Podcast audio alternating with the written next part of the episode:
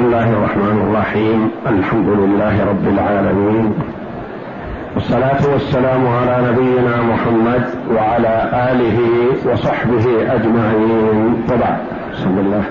بسم الله الرحمن الرحيم. الحمد لله رب العالمين والصلاة والسلام على أشرف الأنبياء والمرسلين. نبينا محمد وعلى آله وصحبه أجمعين. قال المؤلف رحمه الله تعالى فصل ومن صح تصرفه في المال صحت وصيته لأنها نوع تصرف. هذا الفصل في من تصح وصيته لأن الوصية هي الأمر بتنفيذ شيء ما بعد الوفاة. ومن الناس من لا تصح وصيته ومنهم من تصح وصيته. فمن هو الذي تصح وصيته؟ ومن هو الذي لا تصح وصيته؟ قال رحمه الله ومن صح تصرفه في المال صحت وصيته. الرجل يصح له أن يبيع ويشتري عقله وافي لا نقص فيه وليس محجورا عليه ويتصح يصح بيعه وشراؤه يصح وصيته تصح وصيته. إذا كان الرجل ينفذ تصرفه في البيع والشراء والأخذ والعطاء فتصح وصيته. إذا من هو الذي لا تصح وصيته؟ سيبينه. لأنها نوع تصرف. الوصية نوع تصرف. نوع من أنواع التصرف. فمن أنواع التصرف ما هو في حال الحياة؟ بيع شراء هبة صدقة عطية وقف ونحو ذلك. فالوصية نوع من أنواع التصرف إلا أنها تصرف بعد الموت. يقول أوصي بأن تعطى خالتي من تركتي ألف ريال. تعطى خالته إذا مات تعطى خالته من تركته ألف ريال. أوصي بأن تكون هذه الأرض مسجدا. إذا مات تنفذ هذه الوصية فتكون الأرض مسجد. إما مات في هذا المرض فتعود الأرض له ولا يعطى خالته شيء. فالوصية تختلف عن الوقف. فالوقف ينجز ويمضي وينفذ من حين يبرمه. يقول هذه الأرض وقف لله تعالى تكون مسجدا أو مدرسة لتعليم القرآن أو تلحق في المسجد أو نحو ذلك. ثم بدا له بعد يوم أو يومين. ان يعدل؟ هل يعدل؟ لا. لأنه وقف والوقف نافذ. قال هذه الأرض بعد وفاتي تلحق بهذا المسجد توسعة له. أو يبنى عليها مسجد بعد وفاتي عدل عن هذا من حقه. لأن الوصية بعد الوفاة وقبل الوفاة من حقه التصرف. باع هذه الأرض التي أوصى أن تكون مسجد أو مدرسة من حقه ذلك. فالوصية نوع تصرف إلا أنه تصرف بعد الموت. نعم. ومن صح تصرفه في المال صحت وصيته لأنها نوع تصرف. ومن لا تمييز له ومن لا تمييز له كالطفل والمجنون والمبرسم؟ ومن عاين الموت لا تصح وصيته لأنه لا قول له والوصية قول. هؤلاء هم الذين لا تصح وصيتهم. من هم؟ الطفل. الطفل مريض. دون سبع سنين. يسمع عن الوصية وحضر بعض الدروس وكذا وهو ذو مال عنده مال ورثه من أبيه من أمه من أخيه من عمه من قريب له عنده مال وهو طفل صغير. قال أوصي بربع مالي في كذا. وهو ابن ست سنين أو خمس. هل تنفذ وصيته؟ لا. لأنه ما عنده تمييز. والمجنون مجنون لا عقل له وصى بوصية. تنفذ وصيته؟ لا. إنه ما يدرك ما يميز. فقد عقله. والمبرسم المبرسم رجل يهني بما لا يعرف. كثير الكلام ولا يدرك ما يقول. هذه علة تكون في الإنسان يهدي ويتكلم لكن ما يفهم ما يقول. هذا المبرسم لو وصى بشيء ما تنفذ وصيته لأنه ما يفهم ما يقول. ومن عاين الموت يعني محتضر. فرق بين من عاين الموت ومن كان مريض.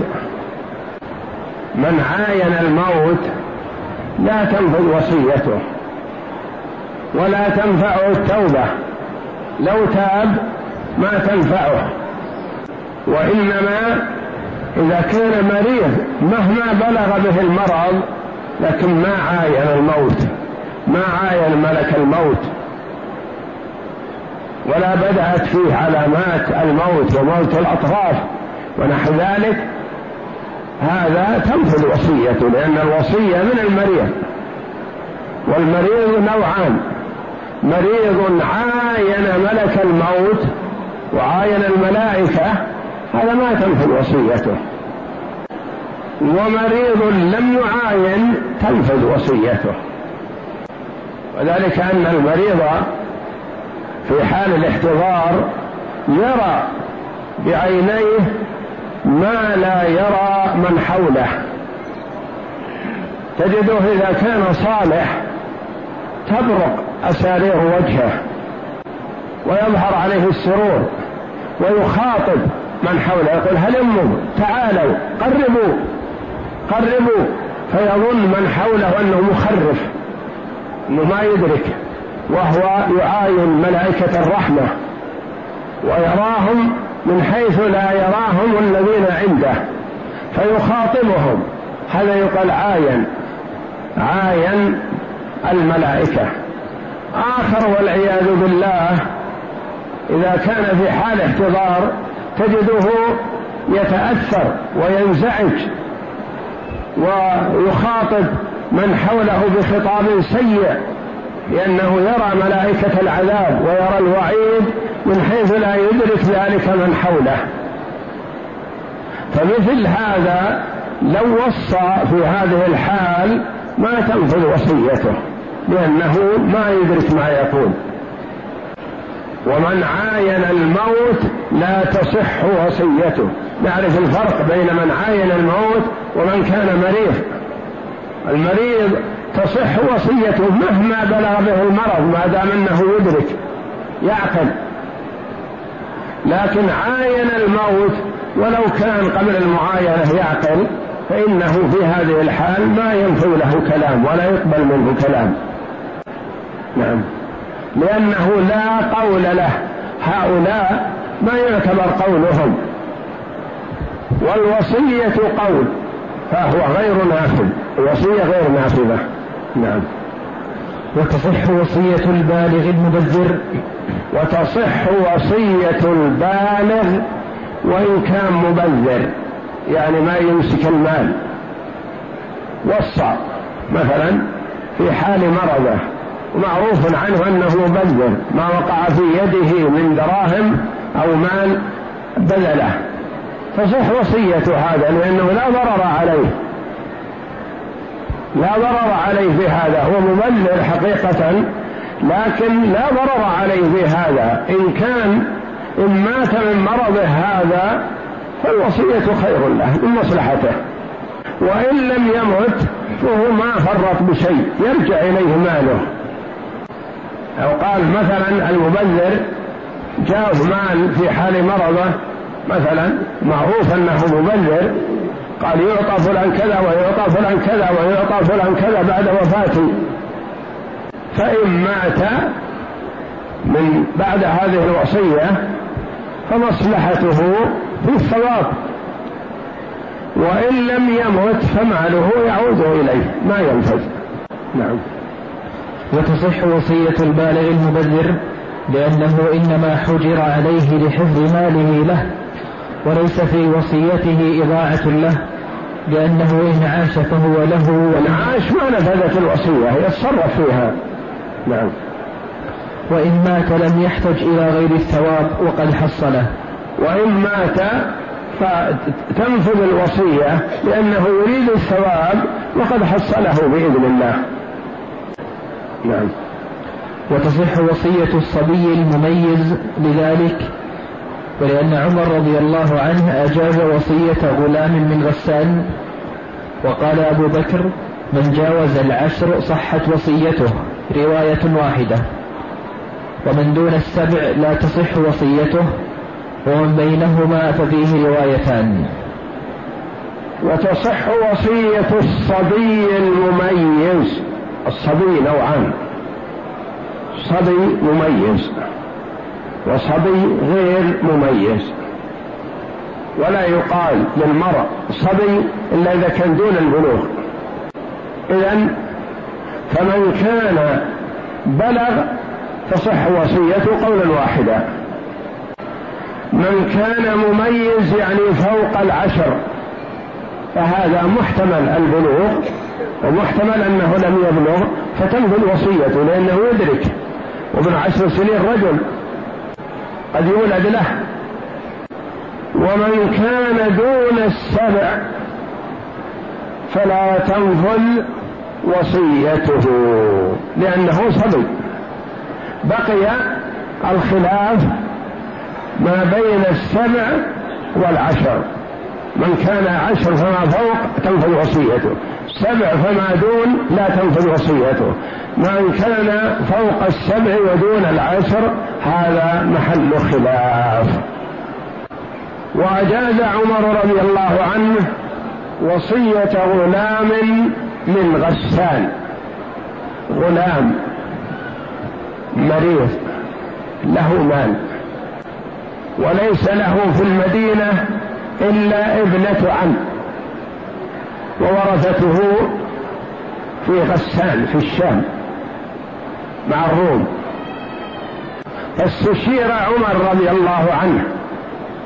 هذه ابنة عمه ولعلها القائمة عليه المتولية لأمره ولا ترث فقال عمر رضي الله عنه يوصي لها. فوصى لها بشيء فباعوا فباعتها هي وولدها بثلاثين ألف. هذه الوصية التي وصى بها هذا الغلام. يقول ابنها استلمنا هذه الوصية التي أقرها عمر رضي الله عنه فبعناها بثلاثين ألف. والصحابة رضي الله عنهم إذا أقروا شيئا جاز. لأنه لو وجد نكير لأنكروا ما يتوقفون على الإنكار فيما لا يجوز رضي الله عنهم. فهم ممن لا تأخذهم في الله لومة لائم ما يبالون. إذا رأوا المنكر تكلموا عنه ما يجاملون. وهكذا ينبغي للمسلم أن يكون قوي في الأمر بالمعروف والنهي عن المنكر حسب المرتبة والقدرة التي يستطيعها. أما الصبي دون التمييز فهو كما تقدم لا تنفذ وصيته لأنه غلام طفل. وقال أبو بكر وليس المراد بأبي بكر الصديق رضي الله عنه بل من أئمة الحنابلة. قال من جاوز العشر صحت وصيته لأنه قد يبلغ وهو من عشر سنين. رواية واحدة. ومن دون السبع لا تصح وصيته لأنه غلام طفل. ومن بينهما بين السبع والعشر ففيه روايتان. ويحتمل ألا تصح وصية الصبي بحال. يحتمل ألا تصح وصية الصبي والصبي هو من كان دون البلوغ. يعني لو كان من أربعة عشر ما دام ما بلغ فيحتمل ألا تصح وصيته وإنما هذا يرجع والله أعلم إلى حال هذا الصبي ومن يتولى النظر فيها. إن أجازها الحاكم الشرعي جازت وإن أبطلها الحاكم الشرعي بطلت. نعم. ويحتمل أن لا تصح وصية الصبي بحال لأنه لا يصح تصرفه أشبه الطفل. نعم. فأما السكران فلا تصح وصيته لأنه لا تمييز له. أما السكران والعياذ بالله وهو الذي أذهب عقله بنفسه بشرب الخمر وقد سمى النبي صلى الله عليه وسلم الخمر أم الخبائث لأنها تقود إلى كل خبيثة من الخبائث والعياذ بالله. لأن السكران ما يتحاشى عن أي جريمة والعياذ بالله. بخلاف من يقع في كبيرة من كبائر الذنوب قد يتحاشى عن الكبيرة الأخرى. فمثلا قد يكون يراضي لكن يتحاشى عن السرقة يتحاشى عن الزنا يتحاشى عن بعض المحرمات يتوقف عنها وإن كان يراضي. وقد يزني لكن يتحاشى عن الربا. وقد يزني لكن لا يسرق.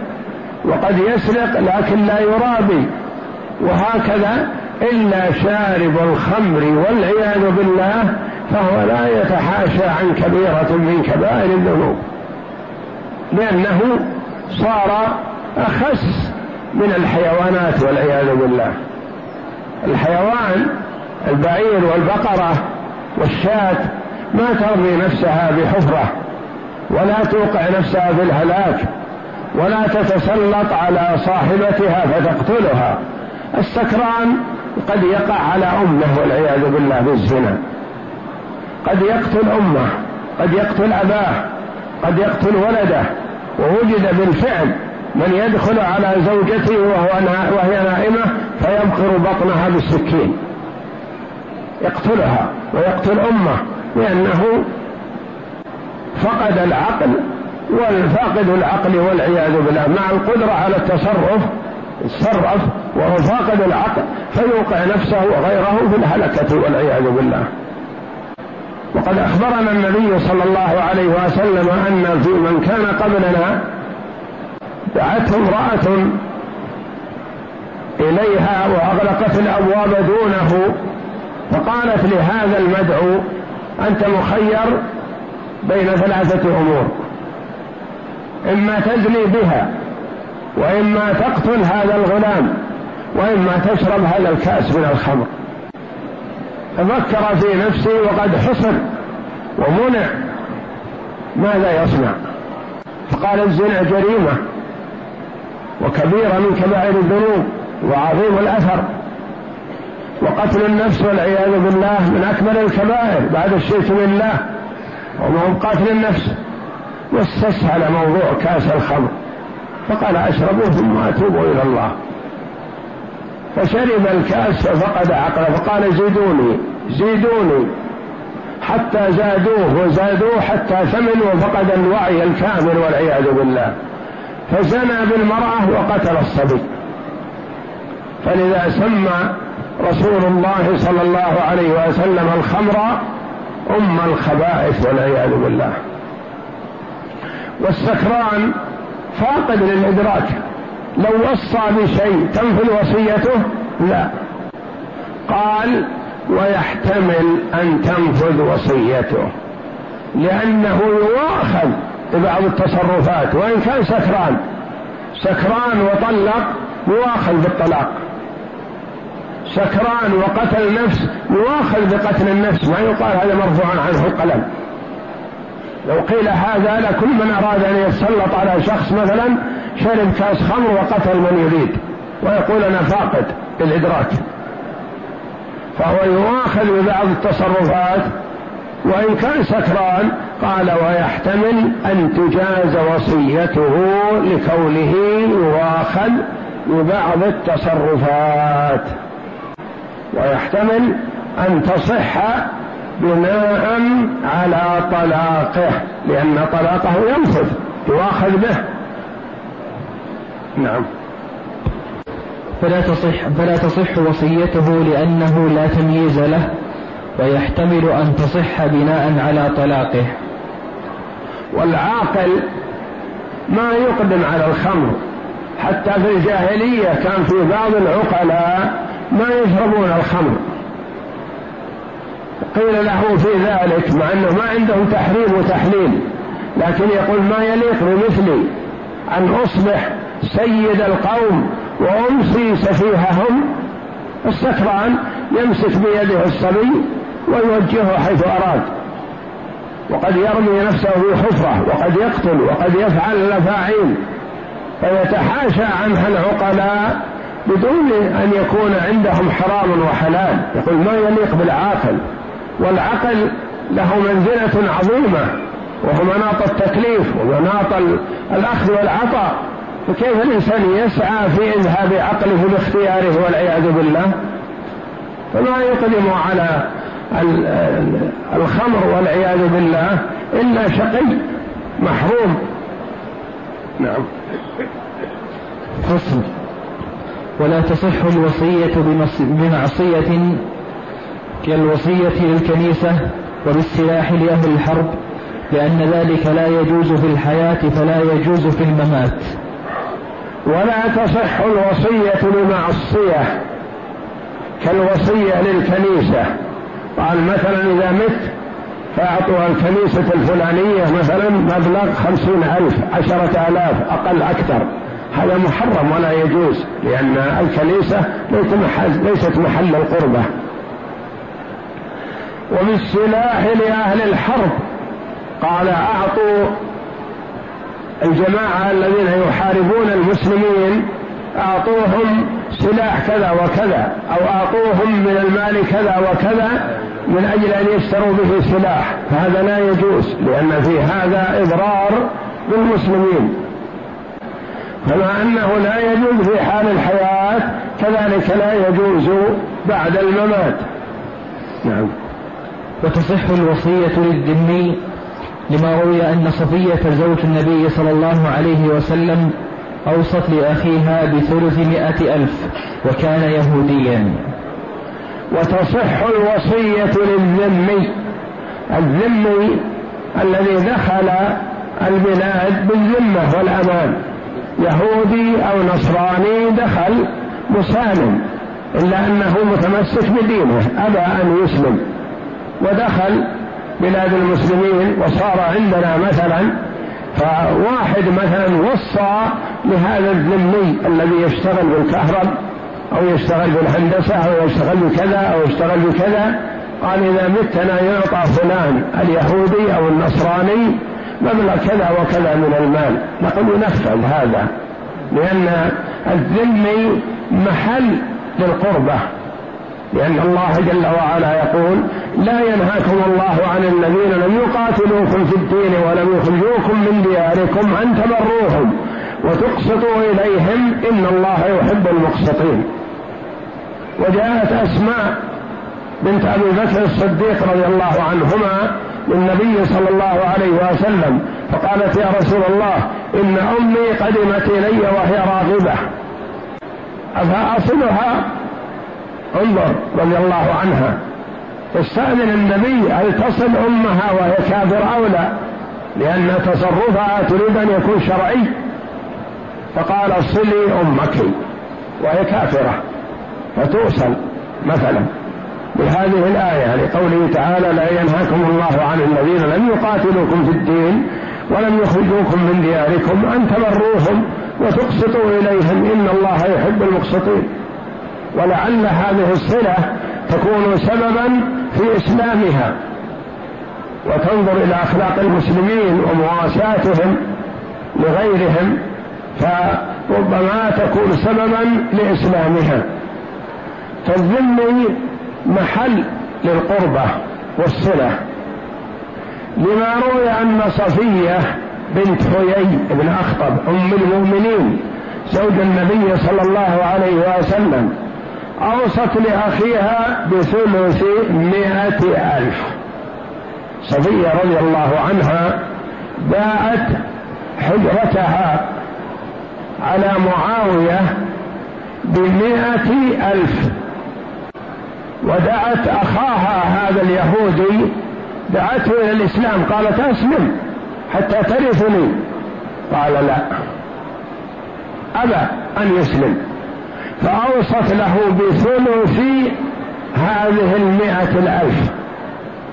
مئة الألف هذه قيمة حجرتها التي كانت تسكن فيها حياة النبي صلى الله عليه وسلم وبعد مماته. فباعتها من معاوية بمئة ألف. فرغبت أخاها إلى الإسلام وقالت أسلم حتى ترث من هذه المئة لأنه ربما لا يكون لها وارث إلا هو أقرب الناس إليها لأنها ما أنجبت من النبي صلى الله عليه وسلم وربما يكون أخوها هذا هو أقرب شخص إليها لو أسلم أخذ المال كله لكنه أبى. فأوصت له بثلث المئة الألف. وكان يهوديا لأنها هي رضي الله عنها بنت حيي بن أخطب وحيي بن أخطب هو ألد أعداء النبي صلى الله عليه وسلم وكان يحرم المشركين وقبائل العرب واليهود على محاربة النبي صلى الله عليه وسلم. ففي وقعة خيبر قتل. فتح خيبر. قتل حيي بن أخطب واستولى النبي صلى الله عليه وسلم والمسلمون على ممتلكاته ومن ضمن ما استولوا عليه ذراريهم ونساءهم ومنهم صفية رضي الله عنها. صفية بنت عيي بن أخطب. فتزوجها النبي صلى الله عليه وسلم اعتقها لأنها أصبحت مملوكة. فأعتقها وجعل عتقها صداقها وتزوجها عليه الصلاة والسلام وحسن إسلامها رضي الله عنها وأصبحت إحدى أمهات المؤمنين.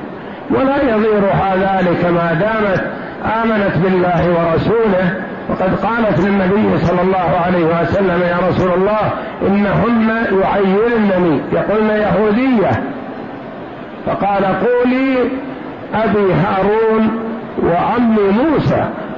ما يضير عنها يهودية وقد آمنت بالله ورسوله.